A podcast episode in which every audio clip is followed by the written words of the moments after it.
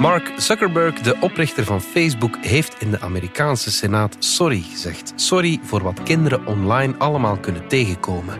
Maar volstaat dat wel? Ook opvallend een sensor die zijn energie haalt, niet uit batterijen, maar uit geluid. We vertellen je ook waarom muziek spelen goed is voor je hersenen en Dominique heeft de Apple Vision Pro uitgetest. Het is vrijdag 9 februari. Ik ben Alexander Lippenveld en van de Standaard is dit Bits en Atomen.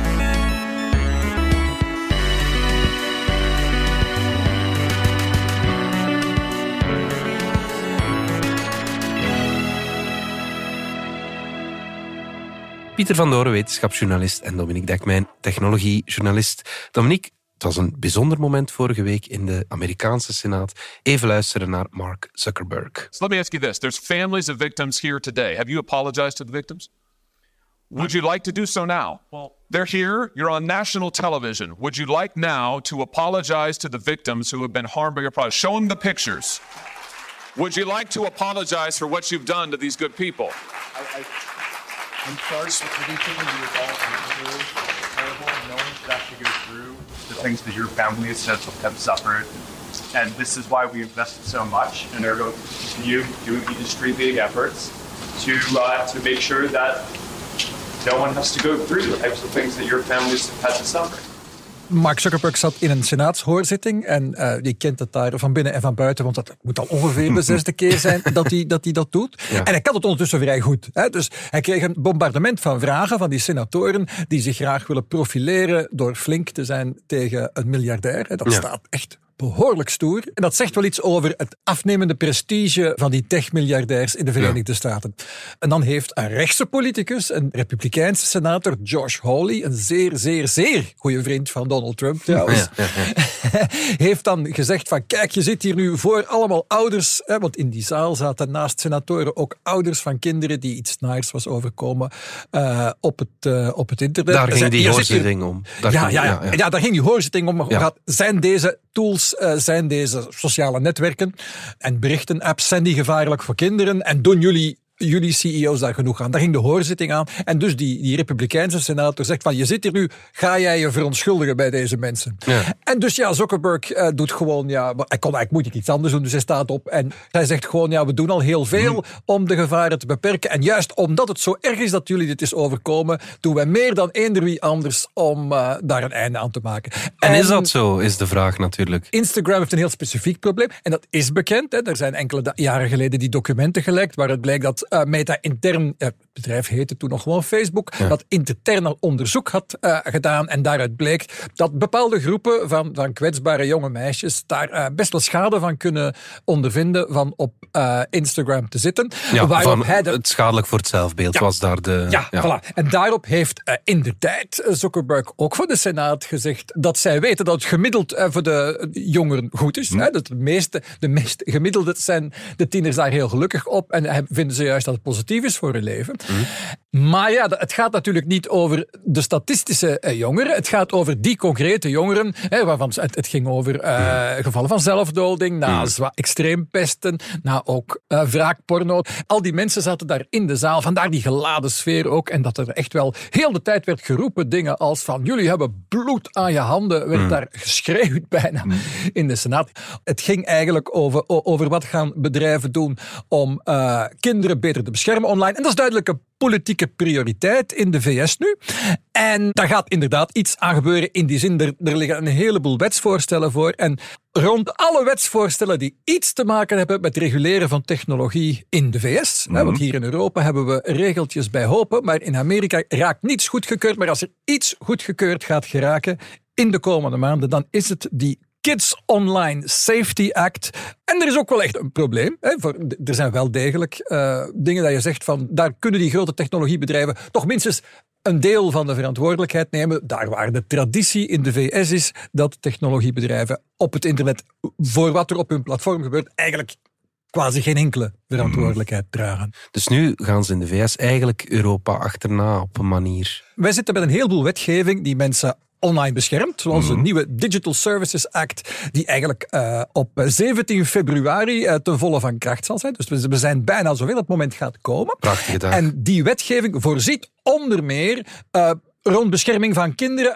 En het staat er niet letterlijk, maar dat betekent eigenlijk dat in Europa, zowel als wat in Amerika gaat gebeuren onder die COSA-wetgeving, dat alle platforms minstens zullen moeten weten wie de kinderen zijn op hun netwerk. Ah, ja. Hè, Dus nu is het zo dat heel veel mensen zich voordoen als...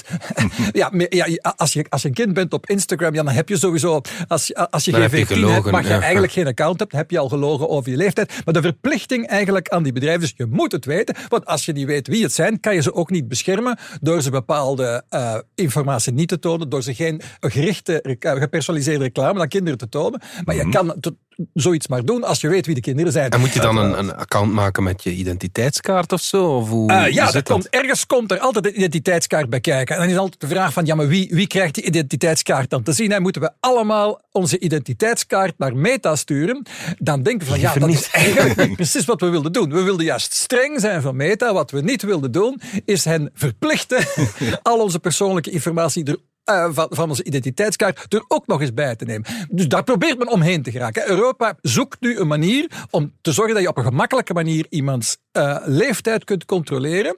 Als website. Je, je, kunt, je kunt iemands leeftijd controleren, maar je, je krijgt zelf die identiteitskaart niet in handen. En er zijn van alle trucjes voor gevonden en geen enkel is echt goed. maar er zijn wel externe diensten waar je bijvoorbeeld je identiteitskaart of je creditcard eh, gegevens doorstuurt aan een extern bedrijf. Dat extern bedrijf zegt van ja, ik kan nu vanaf nu altijd verklaren dat die persoon daar ouder is dan 18, want ik heb het gecheckt. Is het dan Dus de- zoiets als It's- Me bijvoorbeeld, wat wij hier... ja, It's Me Ja. zou zo'n ding... Ja, Ja. de- het, het is een gelijkaardige rol. Hè? Dus Ja. It's Me zou bijvoorbeeld heel gemakkelijk... Tenminste, dat heeft men mij ooit gezegd. Technisch moet het heel gemakkelijk zijn om die rol ook in It's Me te steken. Dat is nu een Belgisch initiatief. Maar je hebt gelijkaardige apps om je identiteit te bewijzen. Die kunnen zeggen van, ik ga hier in plaats van mijn naam te bewijzen, ga ik alleen maar mijn leeftijd bewijzen. En via een externe dienst ergens kan ik dus aantonen ik heb me ergens laten checken en ik ben inderdaad ouder dan eh 14 of ouder dan 16 of ouder dan 18 als het bijvoorbeeld zou gaan om eh, sigaretten of alcohol kopen online. En dan zijn daar externe dienstverleners die die gegevens bijhouden en die we dan zouden moeten vertrouwen en die we dan misschien beter vertrouwen dan die grote Amerikaanse eh, technologiebedrijven. En ja, dat betekent dat er iets heel belangrijk verdwijnt op het internet en dat is eigenlijk anonimiteit. Dat is er altijd geweest. Al, al, zullen we maar zeggen, 30 jaar ben je anoniem op het web en eigenlijk is dat, gaat dat de volgende jaren tot op zekere hoogte eindigen. En veel mensen betreuren dat. Veel mensen zeggen dat dat ten koste gaat van vrije meningsuiting. Hè, want als je niet meer aan anonimiteit geeft je eh, in, in zekere zin vrijheid om te spreken. De- ook om je te informeren over bepaalde dingen. Mensen vrezen nu bijvoorbeeld dat... eh, Kinderen met vragen over hun eh, genderidentiteit bijvoorbeeld, ja, ja. daar geen antwoorden meer op zouden vinden. De vrees in Amerika is met name hè, dat met die COSA-wetgeving, dat het niet alleen zou gaan, we gaan kinderen de toegang tot pornografie ontzeggen bijvoorbeeld, maar ook toegang tot informatie over eh, ja, ge- genderproblematiek. Ja. Eh, dat wordt wel gevreesd. Dus met het oplossen van die problematiek, met dat we eindelijk, zullen we maar zeggen, na 30 jaar aan het kijken zijn naar het probleem van eh, eh, hoe zit dat nu met kinderen daar op het internet, dat we daar nu eindelijk naar kijken is goed, maar het riskeert, of er, er zijn risico's voor bepaalde ver- dingen die we verworven dachten te hebben op het internet, zoals dat je daar ja, anoniem mag zijn. Ja, en, en dat je daar ja, een, een zekere privacy hebt. Hè.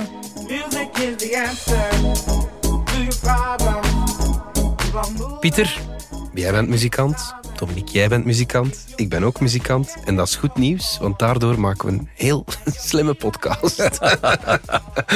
Nu, er is inderdaad heel veel onderzoek dat zegt dat mensen die eh, muziek eh, beoefenen, dat die een stuk intelligenter zijn. Er zijn tests bij kinderen die, waaruit blijkt, er is een verband tussen het spelen van muziek en uw IQ. Ja. Eh, bij die kinderen is er aangetoond dat in hun hersenen de prefrontale cortex, zeg maar het denkcentrum, groter is dan bij anderen. Ja. Dat het geheugen eh, meer ruimte krijgt in hun hersenen.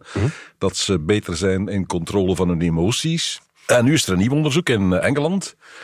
En deze keer bij oudere mensen. Daar loopt al meer dan tien jaar een onderzoek bij iets van een 25.000, dacht ik, eh, mensen van 40 plus. Oké, ja. ja. En binnen die groep hebben ze een enquête gedaan van wie speelt er hier allemaal muziek en wat kunnen we daaruit afleiden. Want die mensen zijn in die jaren gevolgd, hebben regelmatig tests moeten afleggen. Eh, er is, is veel over gekend. Ja. En eh, wat blijkt? Inderdaad, ook bij oudere mensen zie je dat er minder Alzheimer voorkomt bij mensen die muziek spelen of gespeeld hebben. Ah ja, oké. ja. Het feit dat je ooit muziek gespeeld hebt helpt al inderdaad om je hersenen eh, te vormen. En er zijn twee dingen die dan beter gaan bij dat soort mensen. Dat is het werkgeheugen. Dus dingen die je kort onthoudt terwijl je aan iets eh, bezig bent. eh, Je ramgeheugen. voilà. ja. En dat is wat, is wat men noemt de executieve functies, eigenlijk de hoofdfuncties van, van uw hersenen, zeg maar, de, de directeur van het geheel. Ja. Eh, strategie, planning, Ja. de dingen als eh, acties aansturen, ook die acties volgen en eventueel bijsturen. Dus alle hogere functies, zeg maar, eh, prioriteiten stellen. Eventueel prioriteiten herdenken als er te, te veel nieuwe gegevens binnenkomen. Dus dat soort hogere hersenfuncties, die zijn allemaal beter bij mensen die muziek spelen of voldoende lang gespeeld hebben. Ja, oké, goed. Nu, daar hebben ze bij iets van 1100 eh, mensen gecheckt, dus dat is ook weer niet zoveel, maar toch statistisch zegt het alleen een ander. Mhm. Waren 80% vrouwen bij, dat moet ik ook zeggen. Ja, maar die zijn het doorgaans slimmer, dus ja, bon. Het betere geslacht. hè. ja, ja, ja. Maar het waren dus mensen die zelf gekozen hebben om te antwoorden op de enquête. Ja. Wat ook betekent, ze hadden iets eh, van een goede 90% van de antwoorden kwam van muzikanten. Ze hebben slechts 10% niet-muzikanten die ook die vragenlijst ingevuld hebben. Dus er zit wel een beetje marge ja, op. maar toch. Ja, ja. En wat is de conclusie? Muziek is beter voor iedereen, Ja. maar is vooral heel goed voor mensen die dit kunnen.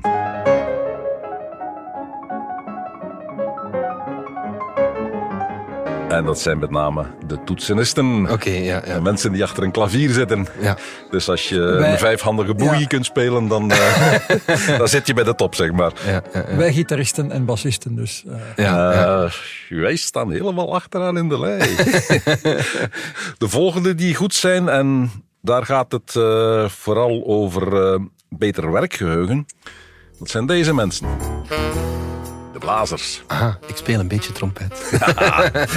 Dus je komt wel goed. En wat ook niet slecht is om te kunnen, is eh, dit. En nu, als ik het zou doen, eh, mijn stembanden zouden waarschijnlijk scheuren. maar zingen is ook heel goed weer voor de hersenen. Hoewel het daar niet duidelijk is of het het zingen zelf is of de sociale component van het zingen. Het feit dat je ja. in koor, in groep zingt, Ja. dat je interacties hebt met andere mensen, dat je leert van te luisteren naar andere mensen, om te coördineren met andere mensen, dat ze ook kunnen meespelen bij zang. En dan zijn we aan de, de mensen hier in de, de ruimte. de snaren mensen. Ja, ja, ja. En er wordt in dit onderzoek gewoon geen woord aan vuil gemaakt. Ja, oké, ja, oei. Dat is dus wat de directeur van Decca in der tijd al zei toen hij een eh, platencontract weigerde aan de Beatles. eh, guitar groups are out. Ja, oké. Goed, eh, dan hebben we het zelfs nog niet over de drummers gehad, maar bon.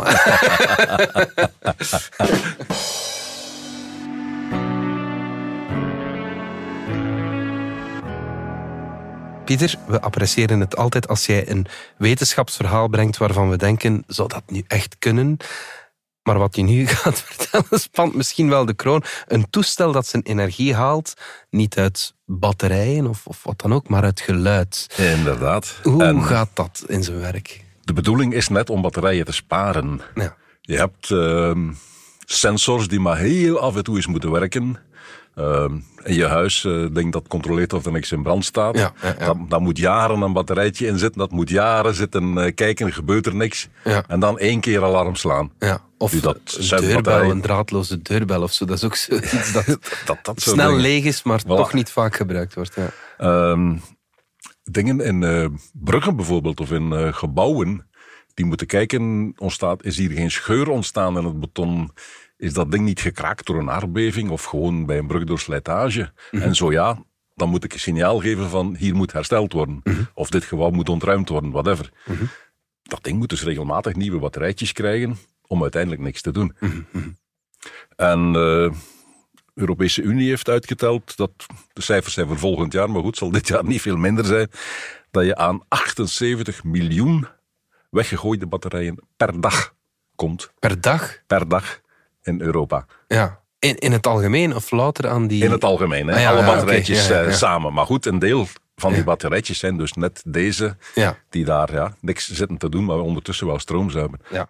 En dus hebben ze mensen gedacht, is er geen manier om zonder batterijtjes toch dit soort toestellen eh, te kunnen gebruiken? Mhm. Eigenlijk is het voldoende dat je op het juiste moment een elektrische puls geeft. Dat is al dat je moet doen. Ja. ja. Eens die elektrische puls vertrokken is, kan die een schakelaar omleggen.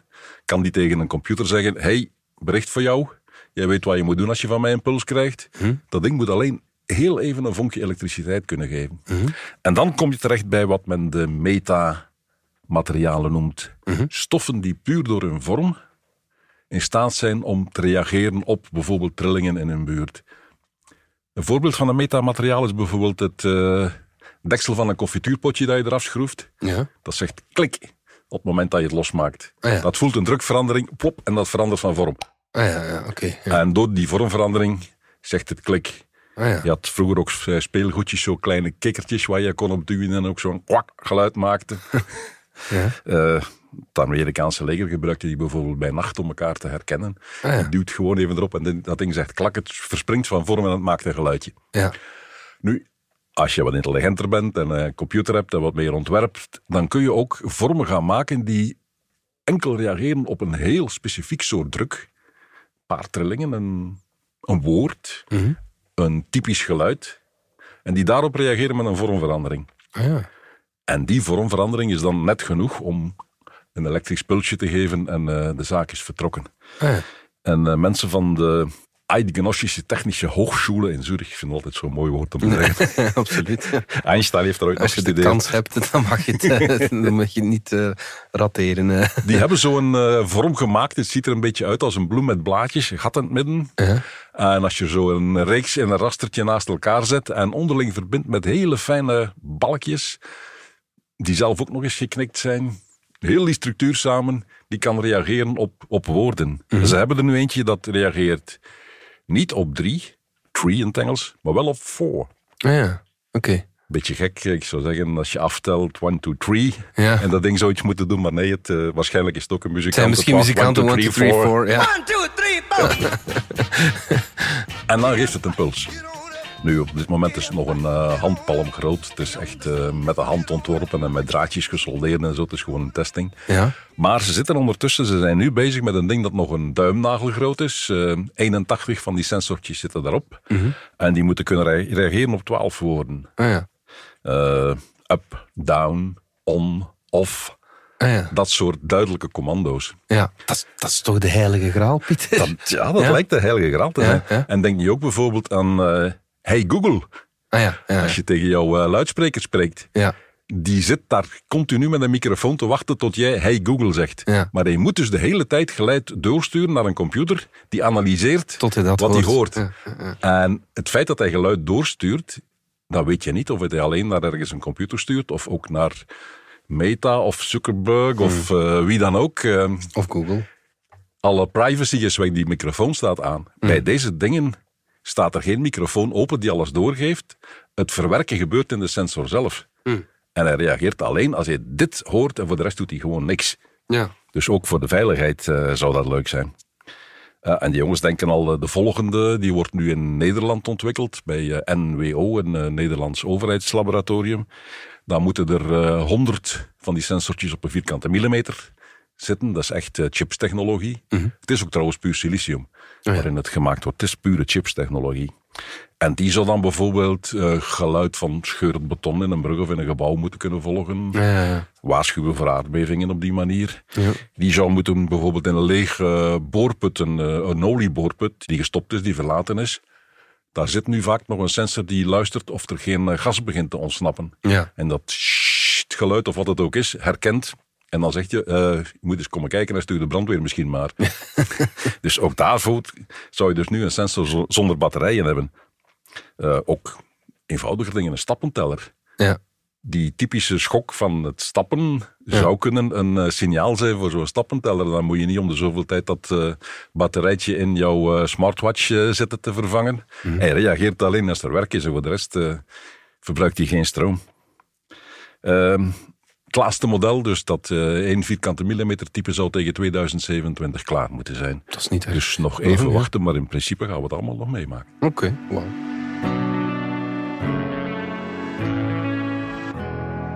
Dominique, jij hebt een, eh, ja, de nieuwste worp van Apple getest, zeg maar. De Apple Vision Pro. Indrukwekkend Ja, eh, ding. er waren er twee in het land. Omdat Pieter van Leugenhagen van Yonder eh, had, er, had er twee gaan halen in New York. En, en dat zijn de eerste twee in België. En dan ja, heb ik ook Ja. hem een half uurtje op mogen hebben, wat niet een echte test is. Hè. Daar Nee, moet ik nee, nee, eh, meteen bij zeggen. Ja, ja, hoe was het? Vertel eens. Wel, het is altijd indrukwekkend om een nieuw toestel van Apple op je hoofd te hebben. Ook wel omdat je weet dat eh, als Apple het introduceert, dan gaat iedereen dat op. Je, je bekijkt het opeens toch letterlijk door een andere bril. Het is Apple die zegt: eh, kijk, dit is nu de toekomst van de computer. En dan mag je niet zomaar zeggen. Ik Ja. geloof niet. Nee, ja, ja, ja. ja. Wet nooit tegen Apple. Dat Nee, je mag nooit tegen Apple. Dus als ik dat opzet, heb ik dan het gevoel dat ik de toekomst zie? Nee, niet echt. Nee, niet echt, maar, het is, maar het is dus wel heel knap. Hè? Dus ik heb zelf een, eh, een Meta Quest 2 eh, bril, die ik pas al een jaar of drie geleden gekocht heb. En die doet eigenlijk hetzelfde Ja, ja, ja. doet deze. Hè, dus dat is ook een, dus een, een, een bril waarin je VR kunt eh, beleven. Ja. Eh, alleen noemt Apple het anders, namelijk immersive experiences. Immersive, en ja, als je dan twee keer tegen de Quest-bril klikt, dan zit je plots in de echte wereld. Maar die echte wereld zie je dan door de camera aan de buitenkant. Ja. En op de Meta Quest ziet hij er dan heel grijs en, en, spikkelig uit. Je kan er eigenlijk niks van maken. Je ziet eigenlijk niet veel meer dan schaduw.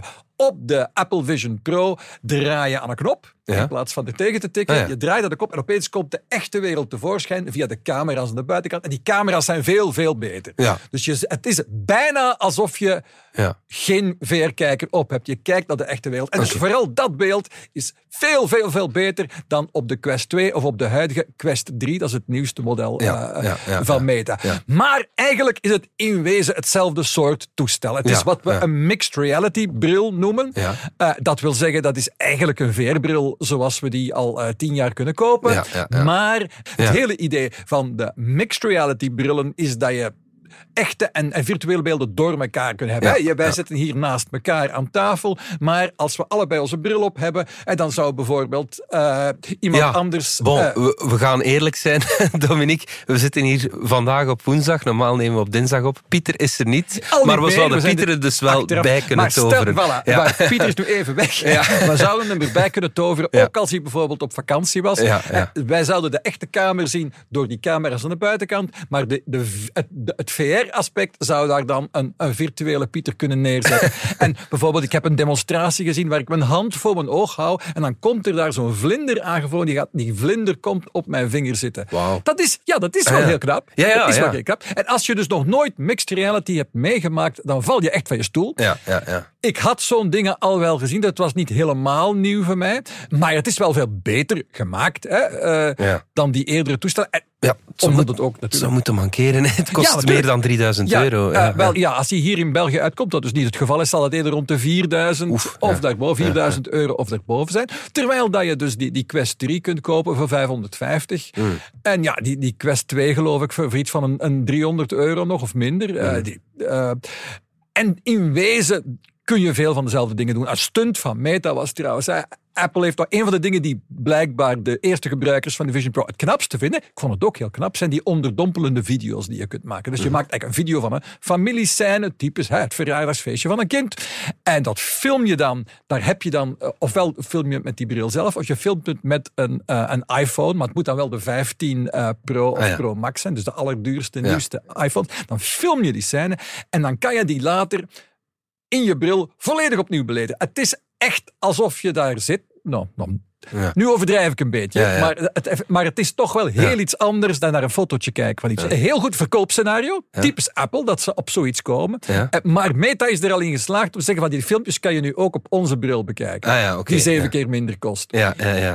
Eh, ja, en dan zie je dus ook wel dat... Ja, ten eerste zie je dus dat die twee bedrijven die tegelijk iets heel gelijkaardig maken, dat dat elkaar wel versterkt natuurlijk. Want eh, Meta heeft eigenlijk best wel voor, voor die prijs een, een fantastische bril gemaakt Ja, met die Quest 3. ja. Apple maakt een veel betere bril door er gigantisch veel geld in te stoppen, maar weet ook van die nieuwe scenario's te bedenken. Van kijk, je zou Ja. het zo kunnen gebruiken. ja.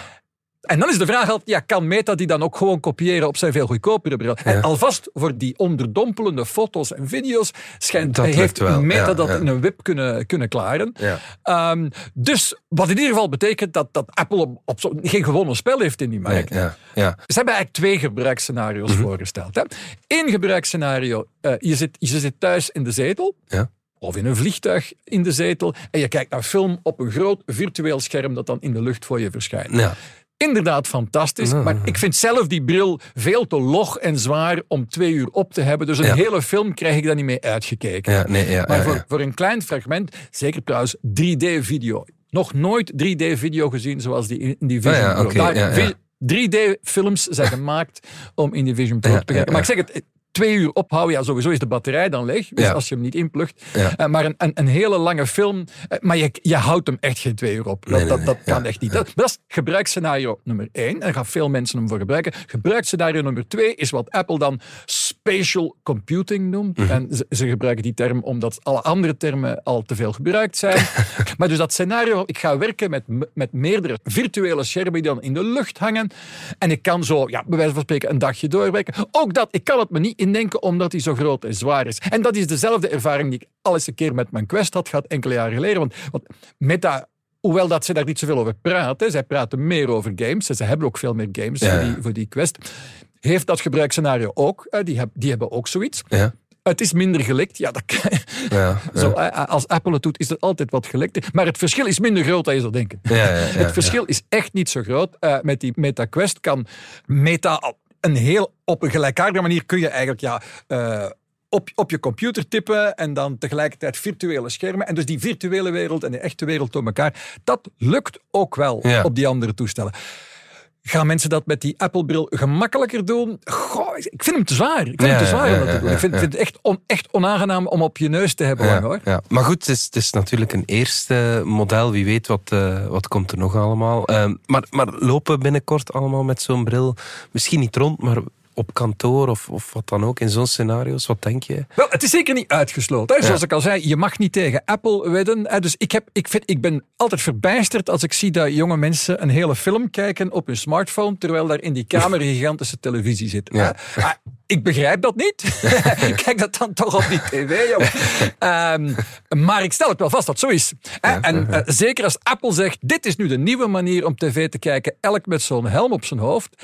eh, dan, Dan is dat het- mogelijk, Dan moet je altijd rekening houden met de mogelijkheid dat mensen gaan zeggen van als Apple zegt het zo moet, eh, dan, dan loop ik met draadloze oortjes rond. Eh, Ja. en, maar, maar dus, nee, als ik, als ik kan kijken, want dat, dat is ook weer zoiets, hè, dat, dat, dat Apple er dan door kan duwen. Dan, eh, maar ja, dus in de zetel zitten met die, met die helm op en, en zo naar een film kijken. Ja, ik, kan- ik, ik kan het me wel indenken, maar het zal toch sowieso voor het, voor het grote publiek klaar is en nog heel wat lichter moeten worden en ook heel veel goedkoper. Ja. Ik denk dat dat best nog wel een aantal jaren kan duren. Ja, oké. En ook dan zie ik nog altijd niet wa- waarom het onmisbaar zou zijn. Ja, voilà, ja. die- ma- maar dat kan nog komen. Hè. Dus nu zijn die toestellen in handen van eh, die, eigenlijk die eerste Apple Vision Pro's die voor, eh, voor jou of mij gemaakt. Die zijn Hmm. gemaakt voor, voor, voor ontwikkelaars. Hè, Zoals die Pieter van Leugenhagen, die gaat daar nu Ja. eh, nieuwe dingen mee gaan maken. En dan, eh, als een van die dingen echt iets is dat je zegt, ik kan niet zonder dat leven, ja, dan, dan is de, de toekomst van deze technologie veiliggesteld. Maar dat hebben we nog niet gezien. Nee, oké.